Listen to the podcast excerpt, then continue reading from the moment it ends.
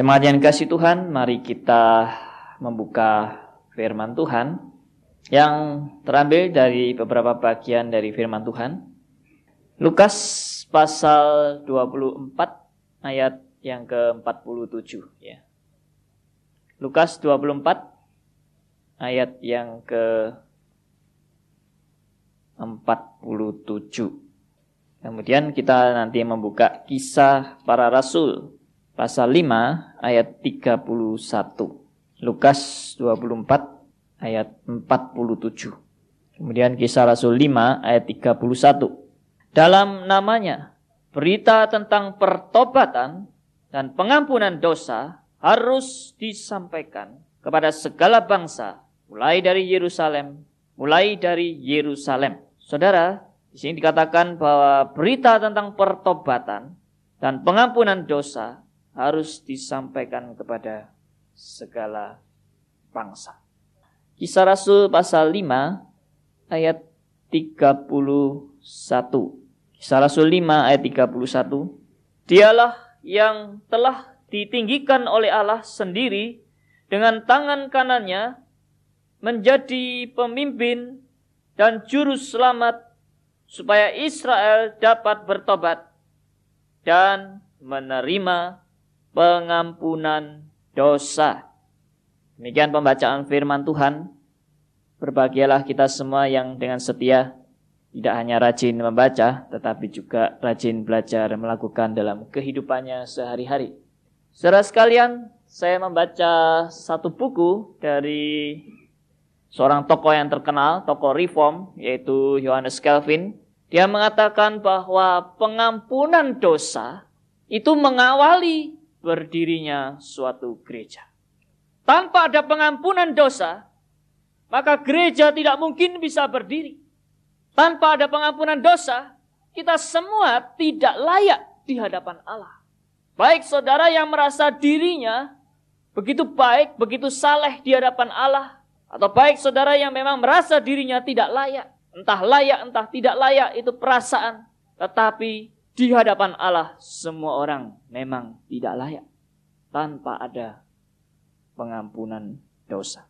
Jadi saudara sekalian, pengampunan dosa ini adalah suatu berita termasuk salah satu berita pokok dari Injil itu. Dan sering kali berita pengampunan dosa ini kurang diberitakan, kurang disebarkan, dan juga banyak orang yang mengerti keliru tentang pengampunan dosa. Saya hari ini akan berbicara tentang pengampunan dosa dan apa yang seharusnya kita lakukan di hadapan Allah setelah kita menerima pengampunan dosa ini. Kita berdoa dalam doa Bapa kami, Bapa ampunilah segala kesalahan kami. Segala pemberontakan kami. Segala dosa-dosa kami. Seperti kami juga mengampuni kesalahan orang lain. Atau orang lain yang bersalah kepada kami. Saudara sekalian, pengampunan dosa itu mau menunjukkan kebenaran bahwa perbuatan baik manusia tidak ada yang pantas di hadapan Allah. Karena itu perlu ada pengampunan dosa. Kalau ternyata ada perbuatan baik manusia yang pantas di hadapan Allah dan bisa diterima oleh Allah dan layak di hadapan Allah, maka yang namanya pengampunan dosa tidak perlu ada. Tidak perlu terjadi. Karena itu ada pengampunan dosa. Apakah pengampunan dosa yang di dalam pengajaran iman Kristen sama dengan pengampunan dosa, pengampunan dosa yang kita dengar secara umum? Tidak. Karena justru pengampunan dosa yang dikabarkan oleh berita iman Kristen berdasarkan pengertian bahwa kita tidak layak di hadapan Allah. Kita tidak pantas di hadapan Tuhan. Yang kedua, karena kita tidak layak di hadapan Allah, maka pengampunan dosa itu membuat kita dilayakkan di hadapan Allah. Bukan karena dari diri kita kita bisa menjadi layak di hadapan Allah. Bukan karena kita mau berbuat baik kemudian kita layak di hadapan Allah. Tetapi hanya karena karya salib Kristus.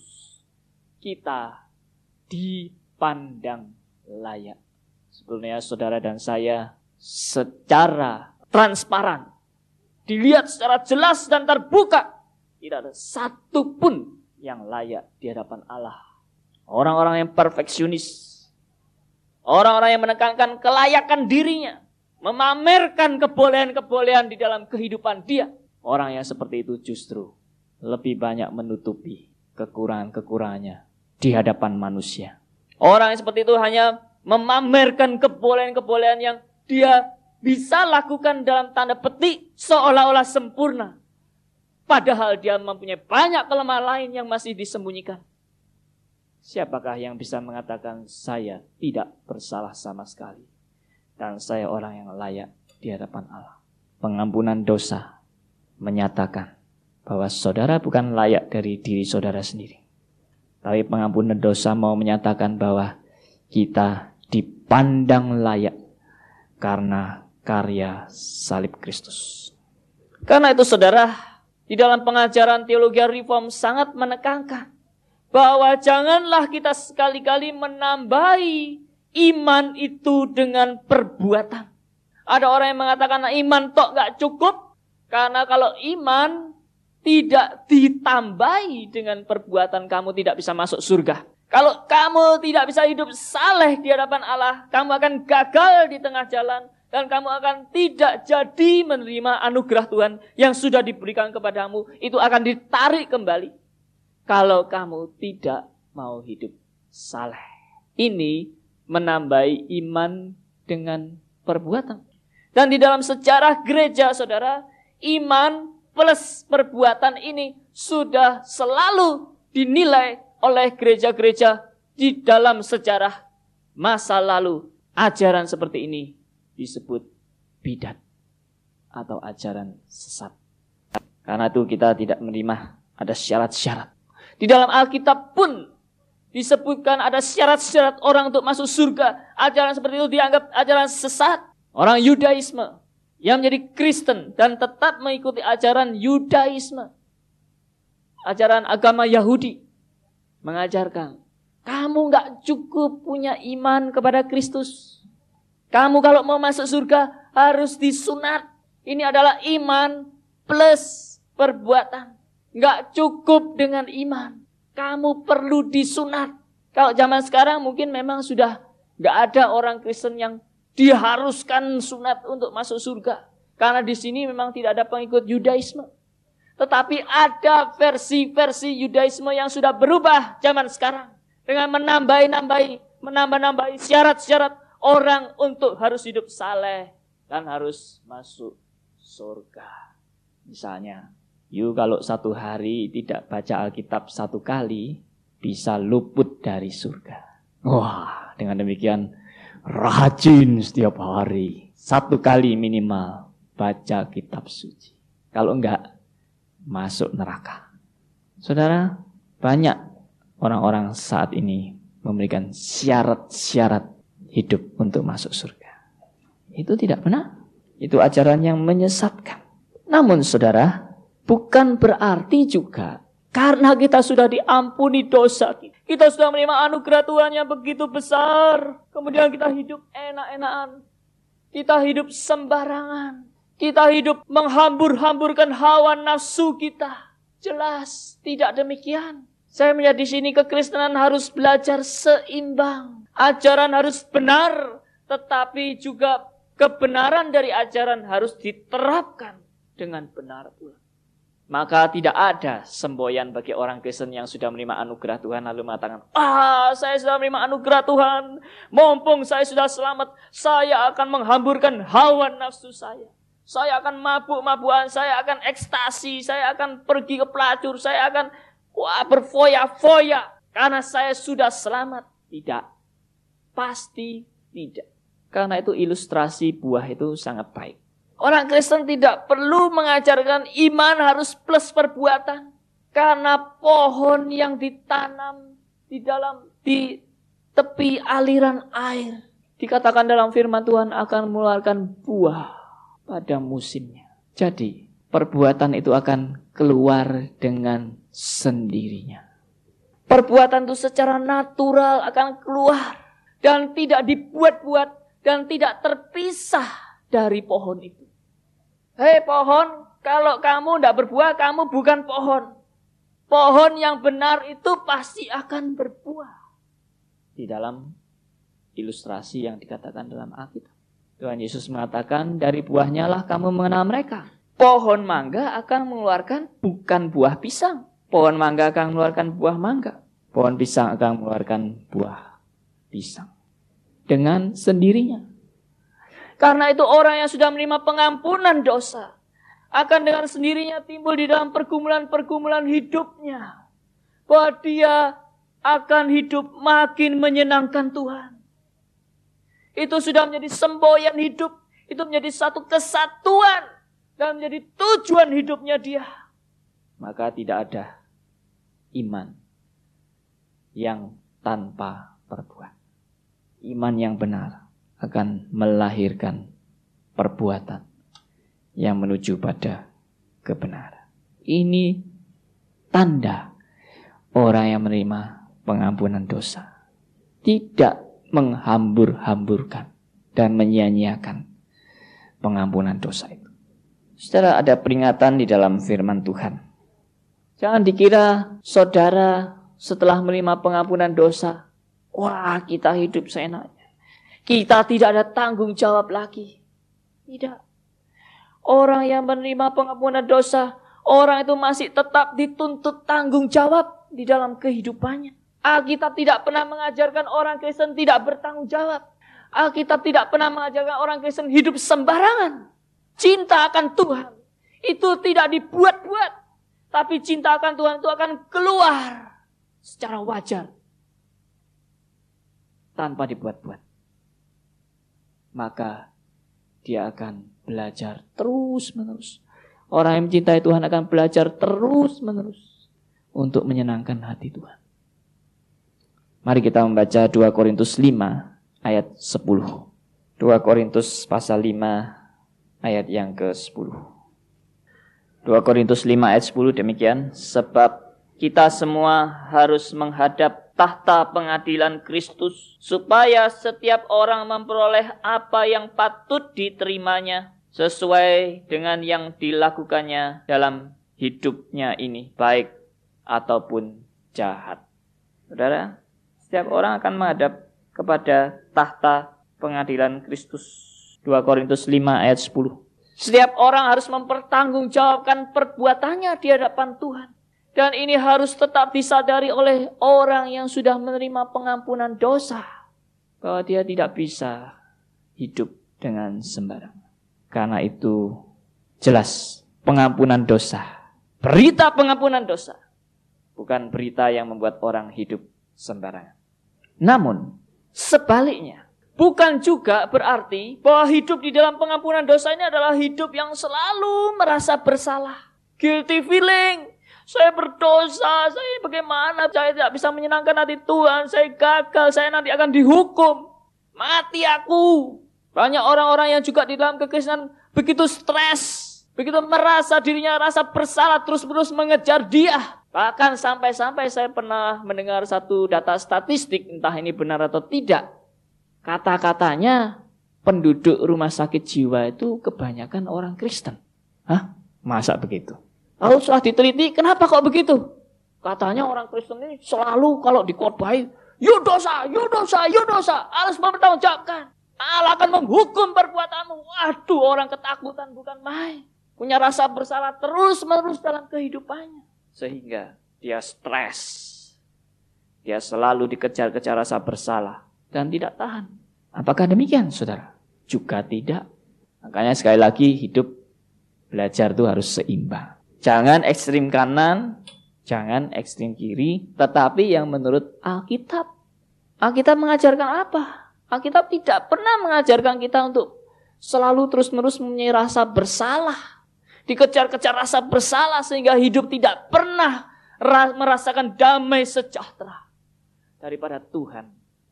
Roma 8 ayat 1. Mari kita membaca surat Roma pasal 8 ayat yang pertama.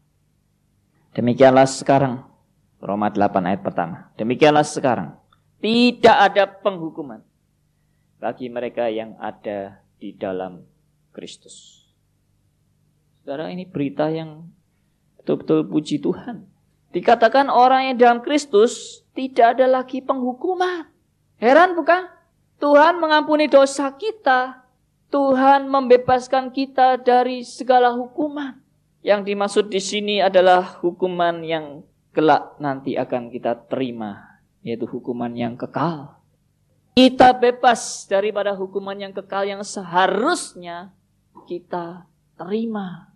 Saudara sekalian, ternyata di dalam kehidupan kita sering kali kita bingung di satu pihak kita merasa, waduh nanti saya dihukum. Di satu pihak, wah kita tidak perlu lagi dihukum.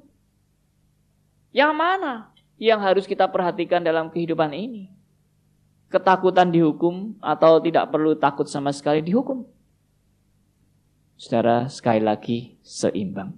Yang dimaksud tidak ada penghukuman adalah dalam konteks hukuman yang kekal. Namun saudara, apakah setiap perbuatan orang Kristen tidak ada risiko dan tidak ada hukumannya. Saudara lihat apa peristiwa-peristiwa yang terjadi dalam penyanyian lama. Pada saat Daud berbuat dosa, apa akibatnya? Memang tidak ada lagi hukuman kekal bagi orang yang sudah di dalam Kristus. Namun akibat-akibat dari yang dia lakukan itu adalah tanggung jawab yang harus dialami dalam kehidupan ini. Karena itu tidak ada istilah orang Kristen tidak perlu bertanggung jawab. Daud dengan segala penyelewengan dia, dia merasakan akibatnya. Daud dengan segala penyimpangan-penyimpangan dia akan firman Tuhan. Dia merasakan hukuman Allah itu. Demikian juga yang lain. Bukan hanya Daud. Semua orang yang berbuat teledor, menyimpang dari kebenaran, merasakan akibat. Namun saudara, apa bedanya? Apa bedanya dengan orang yang di dalam hukuman kekal dan orang yang sudah ditebus Kristus di dalam menerima akibat-akibat dari yang harus dia pertanggungjawabkan. Saudara, dulu waktu saya masih ikut aliran-aliran ekstrim ya. Saya itu kalau sudah berbuat dosa, waduh rasa takutnya luar biasa. Nanti hukuman Tuhan ini bagaimana mati aku. Moga-moga Tuhan tidak menghukum aku. Moga-moga aku luput dari hukuman ini. Tuhan jangan aku dihukum. Saudara seolah-olah saya ini menghadap Tuhan seperti menghadap polisi yang mau memenjarakan saya. Dan saya ini malingnya gitu ya. Ini maling dikejar-kejar polisi. Rasanya hati nggak tentram terus. Apa itu saudara di dalam kita menerima akibat daripada kesalahan-kesalahan kita. Tidak. Sama sekali tidak. Saya menghayati apa yang dialami oleh Daud, oleh Rasul Paulus, oleh yang lain. Ternyata anak-anak Tuhan itu yang menerima akibat-akibat dari perbuatan dia yang menyimpang dari kebenaran firman Tuhan. Mereka menerima itu bukan sebagai sesuatu yang mengerikan, menakutkan, sebagai hukuman dari polisi yang ganas, tidak. Tetapi semua itu dia terima sebagai didikan dari Tuhan. Bukan polisi ketemu maling. Tapi ayah yang bijaksana mendidik anaknya. Saudara berita yang indah sekali. Saudara dan saya harus mempertanggungjawabkan setiap perbuatan saudara. Tetapi Allah yang mendidik saudara. Bukan polisi yang mengerikan. Dia akan memberikan penghajaran kepada saudara. Itu tetap demi kebaikan saudara. Karena itu orang Kristen tidak boleh kalau lihat saudara seiman terus mengalami semacam musibah ya, kesedihan. Lalu kita bilang kuapok mukapan ya Rasa nokon ya mate okuno ya Saudara, padahal Allah sedang mendidik dia. Allah menghajar dia dengan kasihnya. Saudara, ini adalah poin-poin yang penting di dalam kita memahami tentang pengampunan dosa. Supaya saudara dan saya tidak keliru menanggapi dalam kehidupan ini. Dan kita juga tidak keliru menerapkan dalam kehidupan kita sehari-hari. Amin.